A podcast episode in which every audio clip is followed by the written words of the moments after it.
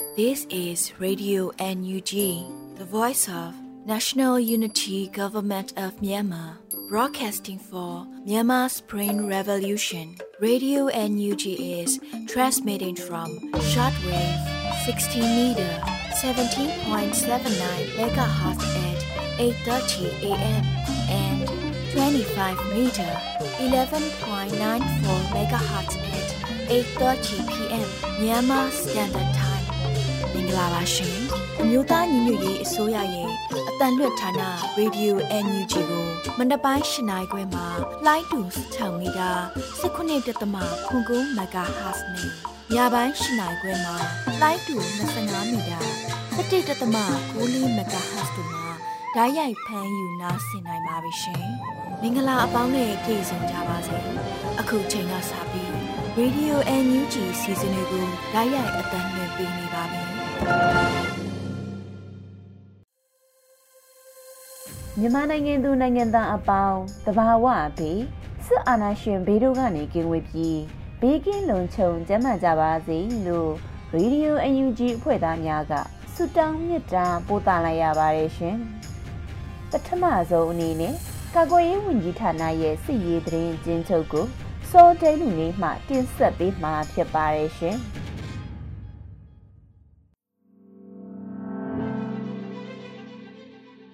အမျိုးသားညီညွတ်ရေးဆိုရာကာကွယ်ရေးဝန်ကြီးဌာနမှနိုင်စဉ်ထုတ်ဝေတဲ့စစ်ရေးသတင်းအချင်းချုပ်များကိုစတင်တင်ပြပေးပါတော့မယ်။သတင်းများအရရန်သူတပ်သား၈ဦးသေဆုံးပြီးဒဏ်ရာရရှိသူအရေအတွက်ကိုတော့စုံစမ်းဆဲဖြစ်ကြောင်းသတင်းရရှိပါရခင်ဗျာ။စစ်ကောင်စီနဲ့တိုက်ပွဲဖြစ်ပွားမှုများမှာစကိုင်းတိုင်းတွင်ဇန်နဝါရီလ18ရက်နေ့နေ့လယ်တနာရီ45မိနစ်ခန့်ကကမ်ဘလူမြို့နယ်ညောင်စင်လေးအနောက်ရွာ၌ထိုင်ချထားသောရန်သူတပ်သားများနှင့်ပြူစောတိ20ကျော်ခန့်ကိုကမ်ဘလူ Underground Warriors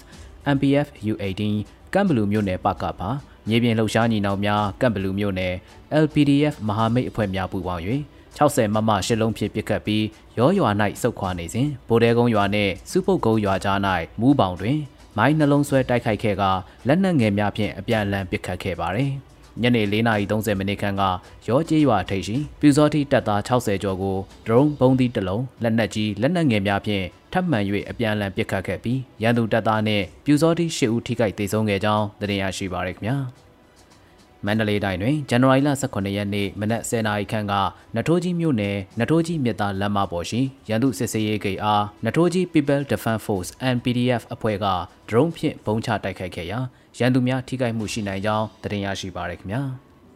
စစ်ကောင်စီကျူးလွန်သောရာဇဝတ်မှုများမှာကချင်ပြည်နယ်တွင်ဇန်နဝါရီလ18ရက်နေ့ကတနိုင်းမြို့နယ်လပူခရွှေမော်တွင်ခလာရ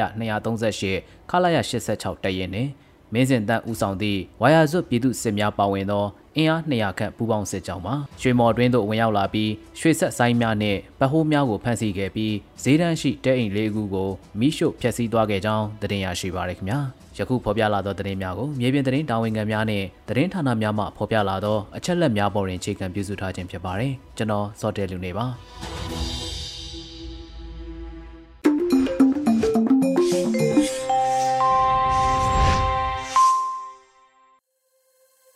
ဆက်လက်ပြီး Radio UNG ရဲ့နောက်ဆုံးရသတင်းများကိုຫນွေဦးမိုင်မှဖက်ကြားတင်ပြပေးပါမယ်ရှင်။မင်္ဂလာပါရှင်။အခုချိန်ကစပြီး Radio UNG ရဲ့ဇန်နဝါရီလ19ရက်နေ့မနက်ခင်းသတင်းများကိုတင်ပြပေးပါတော့မယ်။ကျွန်မຫນွေဦးမိုင်မှာစစ်အာဏာသိမ်းမှုကြောင့်မြို့စစ်တစ်ရင်သွင်းငယ်တွေအတွက်ပညာရေးရှောက်လန်းတွေပျက်စီးယွံယွံခဲ့ရတယ်လို့ယာယီသမရပြောကြားတဲ့သတင်းကိုဥစွာတင်ပြပေးချင်ပါတယ်။ စစ်အာဏာသိမ်းမှုကြောင့်မြို့စစ်သက်ရင်သွေးတွေအတွက်ပင်ညာရေးရှောင်းလှမ်းတွေပျက်စီးယူယွန်ခဲ့ရတယ်လို့ယာယီသမရဒူဝါလရှိလာကပြောပါတယ်။ဇန်နဝါရီ18ရက်အစိုးရအဖွဲ့အစည်းအဝေးမှာယာယီသမရဒူဝါလရှိလာကဆိုပါတယ်။2021စစ်အာဏာသိမ်းမှုဟာကိုဗစ်ရောဂါကပ်ဘေးတွင်မှာမြန်မာစစ်တပ်ကကျိုးလွန်ခဲ့တဲ့ရာဇဝတ်မှုတွေဖြစ်ပါတယ်။ ဒီစစ်အာဏာသိမ်းရာဇဝတ်မှုရဲ့နောက်ဆက်တွဲဆိုးကျိုးအနေနဲ့ပြည်သူလူထုရဲ့အထွေထွေစားဝတ်နေရေးနဲ့ကျန်းမာရေးအဆင့်တန်းဟာ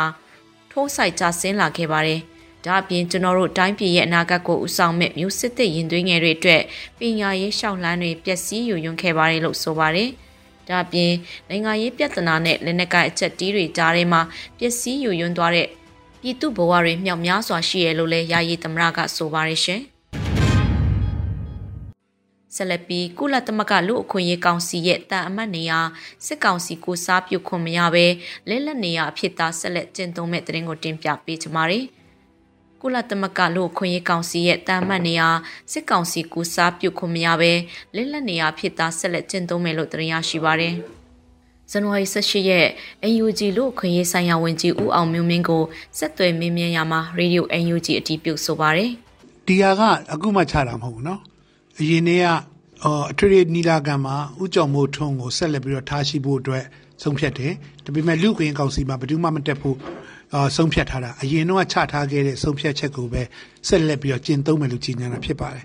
ဇန်နဝါရီ18ရက်ကကုလသမဂ္ဂလူ့ခွင့်ရေးကောင်စီကအမြဲတမ်းကိုယ်စားလှယ်တမ်းမှတ်နေရကိုနိုင်ငံကိုစားပြုခွင့်ပေးမိမဟုတ်ပဲယမန်နှစ်တိုင်းလက်လက်အဖြစ်ဆက်လက်ကျင့်သုံးမယ်လို့သတင်းထုတ်ပြန်ခဲ့ပါတယ်။ အဆိုပါနေရာကိုစစ်ကောင်စီကရရှိရန်ကြိုးပမ်းခဲ့တယ်လို့လည်းသတင်းရရှိပါရရှင်။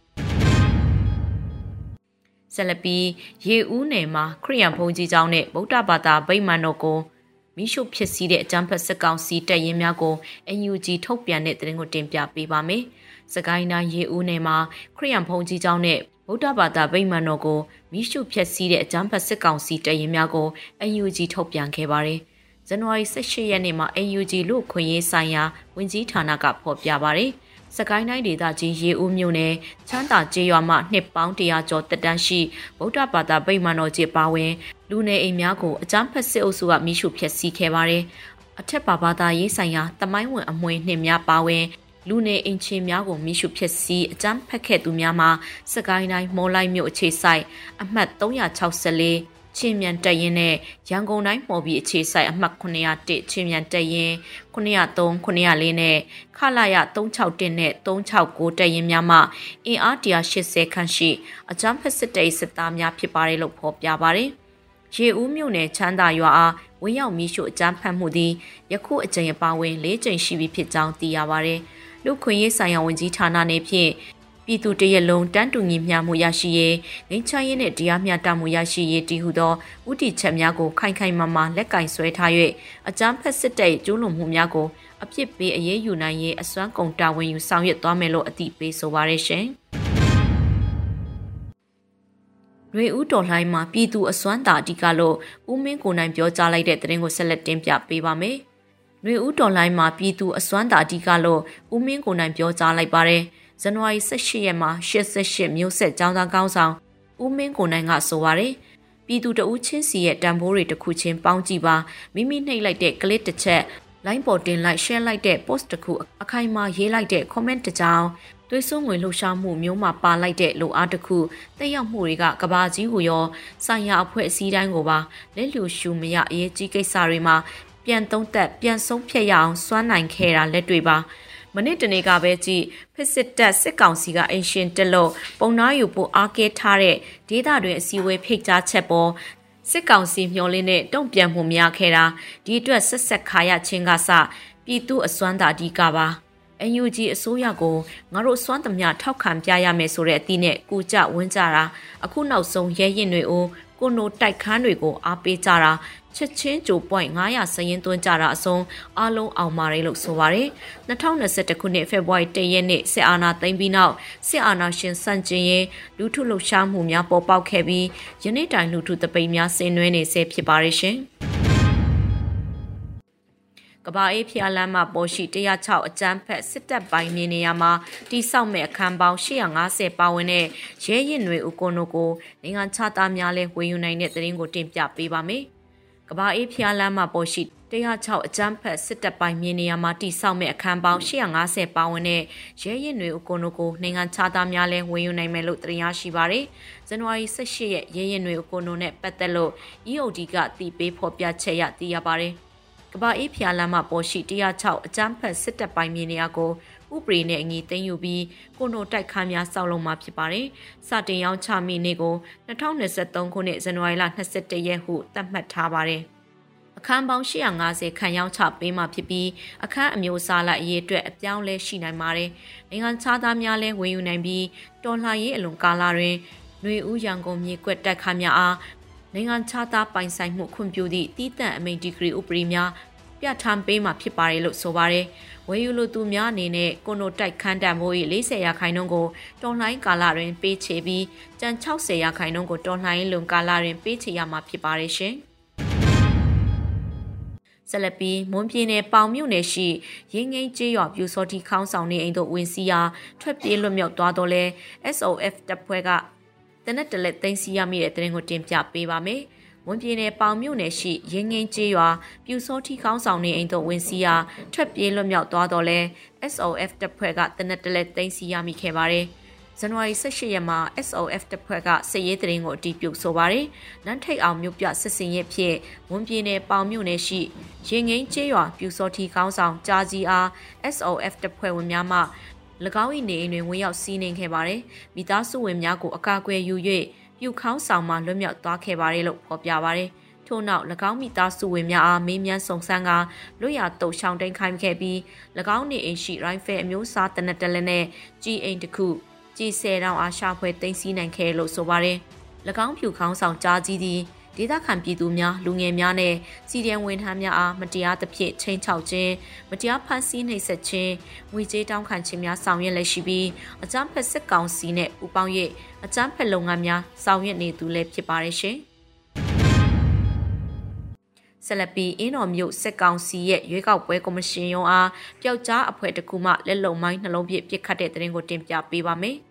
အင်းတော်မျိုးစစ်ကောင်စီရဲ့ရွေးကောက်ပွဲကော်မရှင်ရုံးအားပျောက်ကြားအဖွဲ့တစ်ခုမှလက်လုံမိုင်းနှလုံးပြစ်ပစ်ခတ်ခဲ့ပါတယ်။ဇန်နဝါရီ18ရက်ညနေပိုင်း4နာရီအချိန်တွင်အင်းတော်မြို့ရွေးကောက်ပွဲကော်မရှင်ရုံးအားပျောက်ကြားအဖွဲ့တစ်ခုမှလက်လုံမိုင်းနှလုံးနဲ့ပစ်ခတ်သွားရလို့အင်းတော် IR team ကအတည်ပြုဆိုထားပါတယ်။ဇန်နဝါရီ18ရက်ညနေပိုင်း4နာရီအချိန်တွင်အင်းတော်မြို့ရွေးကောက်ပွဲကော်မရှင်ရုံးအားပျောက်ကြားအဖွဲ့တစ်ခုမှလက်လုံမိုင်းနှလုံးဖြင့်ပစ်ခတ်ခဲ့ပါတယ်။လက်လုံမိုင်းဖြင့်ပစ်ခတ်ရပြီးနောက် စစ်ကောင်စီဘက်မှလက်နက်ကြီးများဖြင့်ရန်တမ်းပစ်ခတ်ခဲ့ပါတယ်လို့ဆိုပါတယ်။စစ်ကောင်စီတပ်ဖက်ကပစ်ခတ်လိုက်သောလက်နက်ကြီးကြီးမှာအင်းတော်တင်ချိုင်းကုန်းဘက်သို့နှလုံးကျရောက်ပောက်ကွဲခဲ့ပြီးအင်းတော်မြို့ဈေးအရှိပေါက်ကိုလည်းတလုံးကျရောက်ပောက်ကွဲခဲ့က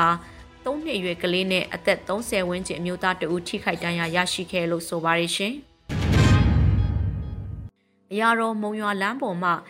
ကုန်တယ်ကားတစီးတွင်စစ်ကောင်စီနှင့်ဆက်ဆက်ထုတ်ကုန်များတင်စီရမိ၍အရာတော်ပကဖကမိရှုဖြစ်စီတဲ့တဲ့ကိုတင်ပြပေးပါမယ်။အရာတော်မုံရွာလမ်းပေါ်မှာကုန်တယ်ကားတစီးတွင်စစ်ကောင်စီနှင့်ဆက်ဆက်ထုတ်ကုန်များတင်စီရမိ၍အရာတော်ပကဖကမိရှုဖြစ်စီခဲ့ပါတယ်။ဇန်နဝါရီ18ရက်မှာအရာတော်မြို့နယ်ပြည်သူ့အုပ်ချုပ်ရေးအဖွဲ့ကအသိပေးဆိုပါတယ်။အရာတော်မုံရွာလမ်းပေါ်မှာကုန်တယ်ကားတစီးတွင်စစ်ကောင်စီနှင့်ဆက်ဆက်ထုတ်ကုန်များဖြစ်သည့် Super Coffee Mix နဲ့အခြားကုန်၆ပျက်စီးများကို စစ်ဆေးတွေ့ရှိရသဖြင့်အရာတော်မြို့နယ်ပြည်သူ့ကာကွယ်ရေးအဖွဲ့နဲ့အတူသိမ်းယူ၍ဖြစ်စည်းခဲ့ပါတယ်လို့ဆိုပါတယ်။စကိုင်းတိုင်းမှာအကြမ်းဖက်စစ်တပ်ထုတ်ကုန်ဖြစ်သောမြန်မာဘီယာမိုင်တယ်ဆင်ကတ်ဝေဖြစ်ကစတဲ့ထုတ်ကုန်များကိုရောင်းဝယ်ဖောက်ကားတည်ဆောင်ခွင့်တားမြစ်ပိတ်ပင်ထားပါတယ်ရှင်။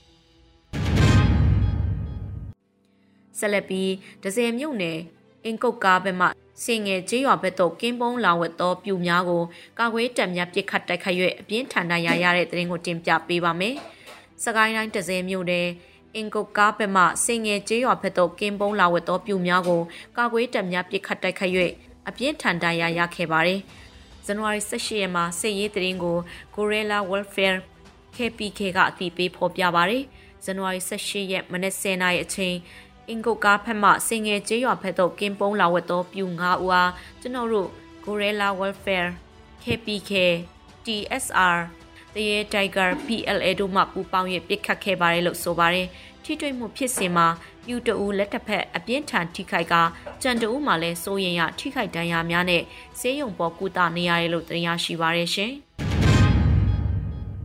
ကတာမြို့နယ်မိုးတားလေးကျေးရွာအောက်ပိုင်းသို့စစ်ကောင်စီတပ်မှလေရင်နှစ်စီးဖြင့်ဘုံငါးလုံးထက်မင်းကျဲချ၍ထိခိုက်သေးဆုံးသူများရှိတဲ့တဲ့ရင်ကိုနောက်ဆုံးတင်ပြပေးချင်ပါတယ်။စကိုင်းတိုင်းကတာမြို့နယ်မိုးတားလေးကျေးရွာအောက်ပိုင်းသို့စစ်ကောင်စီတပ်မှလေရင်နှစ်စီးဖြင့်ဘုံငါးလုံးထက်မင်းကျဲချ၍ထိခိုက်သေးဆုံးသူများရှိရလို့တင်ရရှိပါတယ်။ဇန်နဝါရီ18ရက်ညနေ4:15အချိန်မှာမိုးတားလေးကျေးရွာအောက်ပိုင်းသို့စစ်ကောင်စီမှလေရင်နှစ်စီးဖြင့်ဘုံကျဲချသွားတာလို့ ကတာပအဖကအတီးဖြူထားပါတယ်။ကတာမြို့နယ်မိုတာလေးကျေးရွာအောက်ပိုင်းသို့စစ်ကောင်စီမှလေးနှစ်စီးဖြင့်ညနေ4:15မိနစ်အချိန်၌ဘုံငါလုံးထက်မင်းလာကျဲသွားပါတယ်။တိုက်ပွဲလုံးဝမရှိပါ။အင်းအချို့မီးလောင်နေတယ်လို့ကနဦးသတင်းရရှိပါတယ်လို့ဆိုပါတယ်။ဘုံကျဲသောနေရာသည်တိုက်ပွဲဖြစ်ပွားရာနေရာမဟုတ်ဘဲတိုက်ပွဲဖြစ်ပွားရာနေရာဟာမိုးတားလေးရွာထိပ်ရွာနဲ့အလှမ်းဝေးပြီးဘုံကျဲခံရသောနေရာသည်ရွာအမီးဖြစ်တယ်လို့သိရပါတယ်။ဇန်နဝါရီ18ရက်နနက်7:15မိနစ်မှစ၍ ABSDF ဦးဆောင်သောပူးပေါင်းတပ်များနဲ့စစ်ကောင်စီတို့အထိတွေ့တိုက်ပွဲတနေကုန်နီးပါးဖြစ်နေပြီးစစ်ကောင်စီဘက်မှအထိနာလာသောကြောင့်ရန်တမ်းရွက်လင်းဖြစ်ဘုံလာကျဲခြင်းဖြစ်တယ်လို့ဆိုပါတယ်။အဆိုပါစစ်ကောင်စီလေရင်ဟာလူအုပ်အတွင်းနဲ့အရက်သားနေအိမ်များရှိရာသို့တိုက်ခိုက်ခဲ့ခြင်းဖြစ်ပြီးတေဆုံးသူအရေးအတွက်ကိုစုံစမ်းနေစေဖြစ်ပြီးသတင်းထွက်ပေါ်ချက်အရအရက်သား9ဦးထက်မနည်းတေဆုံးတယ်လို့ကြားသိရပါတယ်ရှင်။ယခုတင်ပြခဲ့တဲ့သတင်းတွေကို Radio UNG သတင်းထောက်မင်းမင်းကပေးပို့ထားတာဖြစ်ပါတယ်ရှင်။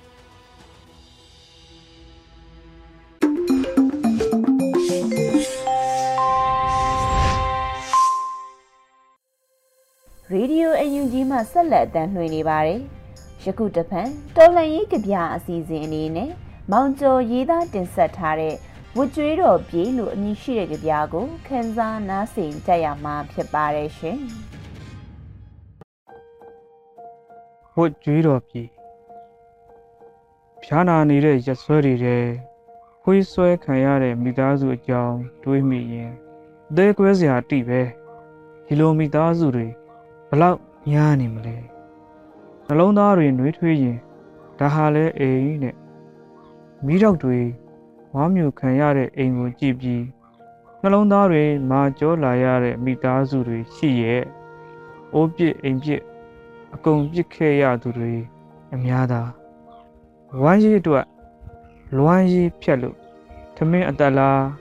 ရေအတက်လားမသေးကြမှုညှစ်နှုတ်လို့ ကျင်တုတ်ခံရမခံရတော့မသိသမုဒ္ဒရာဝမ်းတထွာဟာတာတာဘဝတွေလည်းရှိရဲ့ဒါတွေဟာဝိမဟုတ်ဘူးလူပါလတွေရဲ့ရက်ဆက်မှုအပေါင်းတရဖူဆောင်းခြင်းဝတ်တက်ဆိုးတဲ့ဝတ်ဆိုတာပဲအိမ်မိုးမလုံးလို့မိုးယူတဲ့အခါအပေါက်ဖာဖို့မစင်စားပဲမိုးလွရာကိုကျင်သူတွေ အိမ်ထဲမှာလူဘူဖြစ်နေတာလဲတကယ်ဝတ်နီဒီဒီဟန်ဆောင်ပြပြီးပြည်တီတီမန်ဆောင်ကြတဲ့ဘလူးမျက်နှာဖုံးတဲ့တကယ်ဘလူးတွေလူဝင်းကျင်မှာရှိနေတာကမှတကယ်ဝတ်တရားချစ်တယ်လို့လို့နဲ့အတ္တအတွက်အကြောင်းပြမောင်းချလို့တောင်မစင်းကျင်တဲ့ကြွန်ယူတွေလူရဝင်နေတာလဲ တကယ်ဝတ်ကိုသွေးသားကိုမထိတဲ့၍သူတော်ကောင်းတက်နဲ့ကဘာပတ်ချင်သူတွေလူအတိုင်အမြုံတဲ့မြဲနေတာလဲတကယ်ဝတ်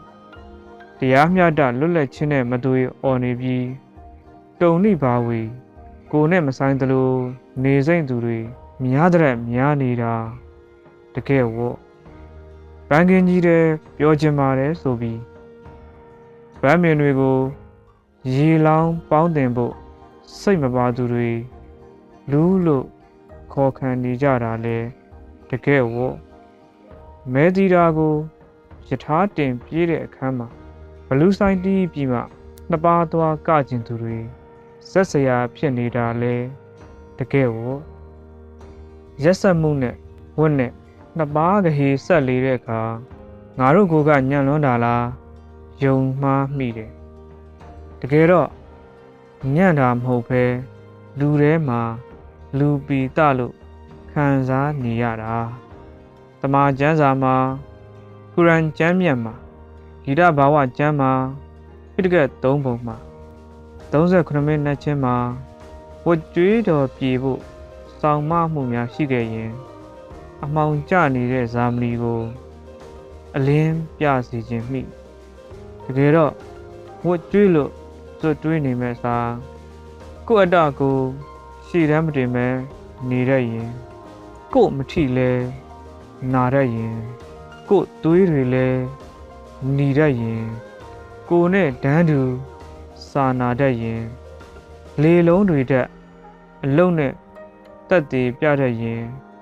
ဝတ်ကြွေးတွေစွတ်ပြေးရမှာတားတောင်မရဘူးဝတ်ကြွေးတော့ ဖြေပြောက်ပေးမဲ့ဘုရားသခင်ကခမားကိုယ်တိုင်ပဲဆိုတာသာခမားသိခဲ့ရင်သိလဲသိစေချင်ပါရဲ့ရောင်ကြီး6စုံတကိုးမပြခိုင်းပါဘူးအတ္တလေးရှည်တမ်းမတင်ပဲအလုတ်လုတ်ပြပါ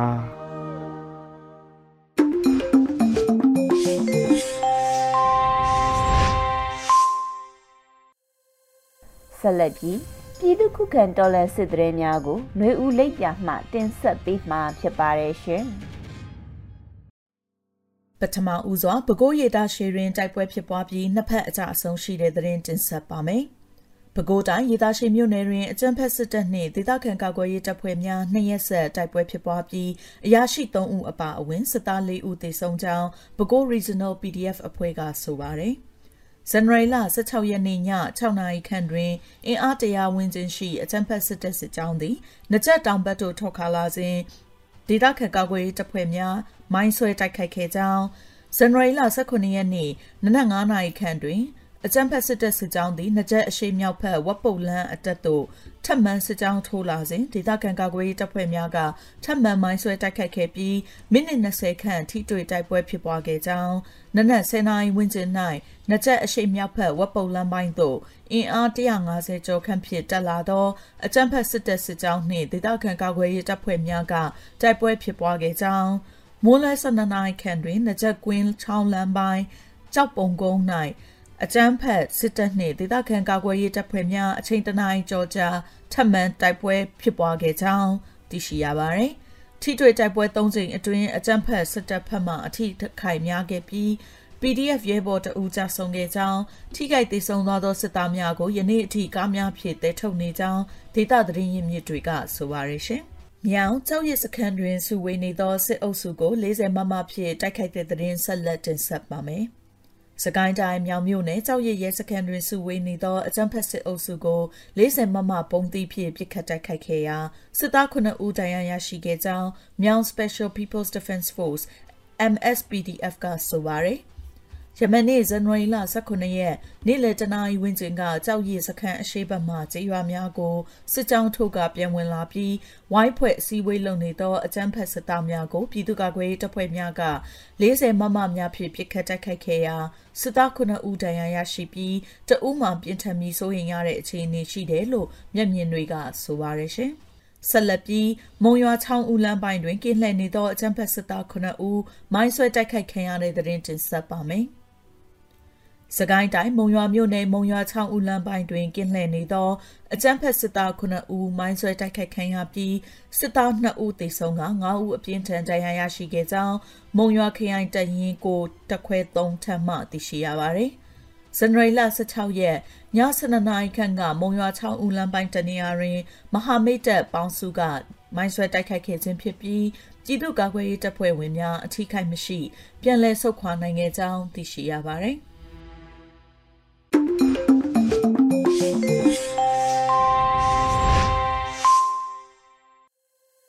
Radio UNG သောတာရှင်များရှင်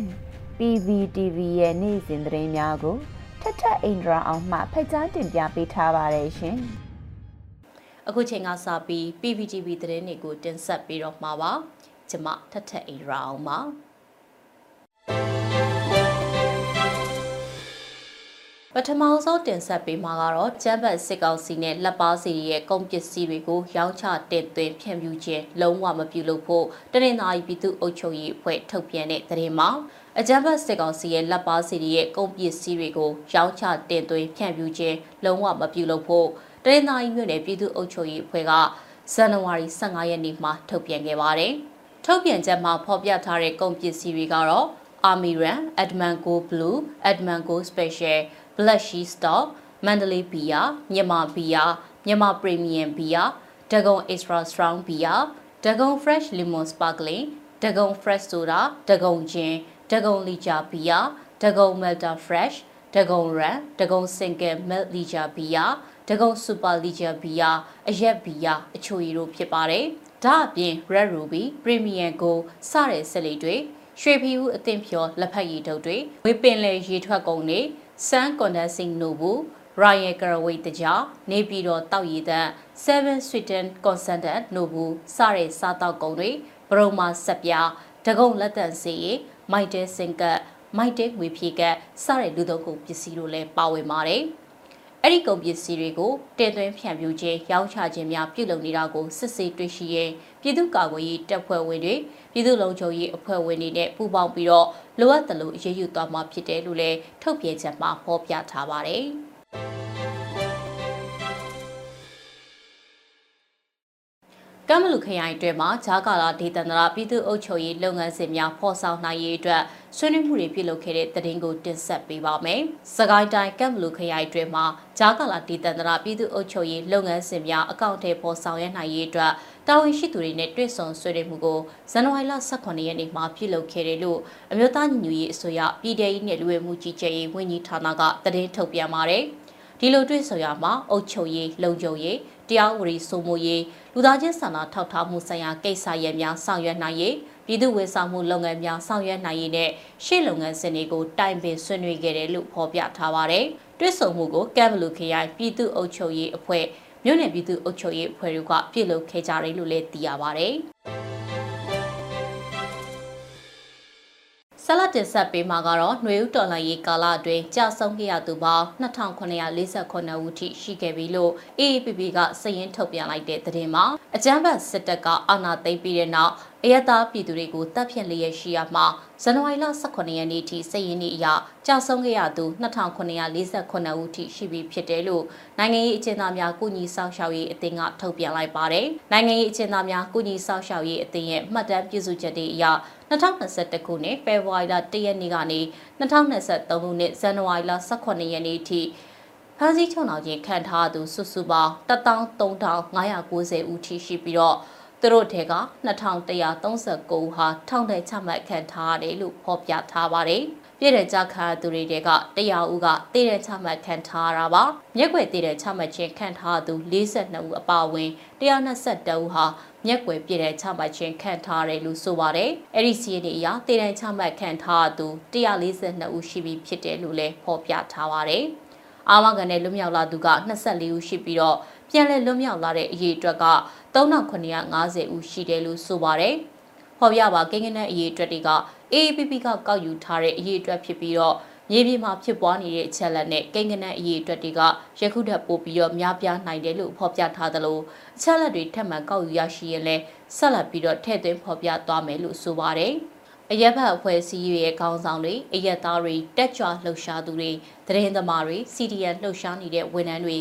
စတဲ့နေပေတီတီကဘယ်သူမဆိုဖမ်းဆီးထိတ်သိမ်းတရားစွဲဆိုခံထားရတာတွေနဲ့ຫນွေဦးတော်လှန်ရေးကာလအတွင်းကြာဆုံးခဲ့ရသူတွေရဲ့အချက်လက်တွေကိုသိရှိပါကနိုင်ငံရေးကျင်းသားများကိုကြီးစောင့်ရှောက်ရေးအသင်း AAPP ကိုဆက်သွယ်ဖို့လည်းဖော်ပြထားပါတယ်။ကြာဆောင်ချက်လက်တွေအတွက်ဆိုရင် fatalitydata@aapp.org email တို့၎င်း အဖမ်းဆီးချက်လက်တွေအတွက်ဆိုရင် detention.data@aapp.org email တို့၎င်းတိုက်ရိုက်ပေးဖို့ဆက်သွယ်အကြောင်းကြားနိုင်တယ်လို့ဖော်ပြထားပါတယ်။ဆက်လက်ပြီးတော့စစ်ဘေးရှောင်တွေအတွက်စားနပ်ရိက္ခာနဲ့စေဝါအကူအညီတွေလိုအပ်နေတဲ့ဆိုတဲ့သတင်းကိုတင်ဆက်ပေးမှာပါ။ကဏီမြို့နယ်နဲ့ရေမက်ပင်မြို့နယ်အတွင်းကမြေကန်ဘေးမှာစစ်ဘေးရှောင်နေရတဲ့ပြည်သူတွေအတွက်စားနပ်ရိက္ခာနဲ့စေဝါအကူအညီတွေလိုအပ်နေတယ်လို့ကျေးလက်တပုံတပိတ်စစ်ကြောင်းကပြောပါရယ်။ ကျေးလက်တပုံတပိတ်စစ်ကြောင်းရဲ့လူငယ်တွေကစစ်ရှောင်ပြည်သူတွေအတွက်စေဝါစောက်ရှောက်မှုတွေပြုလုပ်ပေးနေတာပါ။အကြမ်းဖက်စစ်တပ်ကကြေးရွာတွေကိုမိရှုဖျက်ဆီးတာပြည်သူတွေကိုတပ်ဖြတ်တာပစ္စည်းတွေကိုအဓမ္မယူဆောင်တာအစရှိတဲ့စစ်ရာဇဝဲမှုတွေကျူးလွန်နေတဲ့အတွက်ကန်နီမြို့နယ်နဲ့ရဲမတ်ဘေးမြို့နယ်ရဲ့မြေကမ်းဘေးနေထိုင်တဲ့ပြည်သူတွေကနေတွေမှာမနေရတော့ပဲထွက်ပြေးတေးရှောင်နေရပါတယ်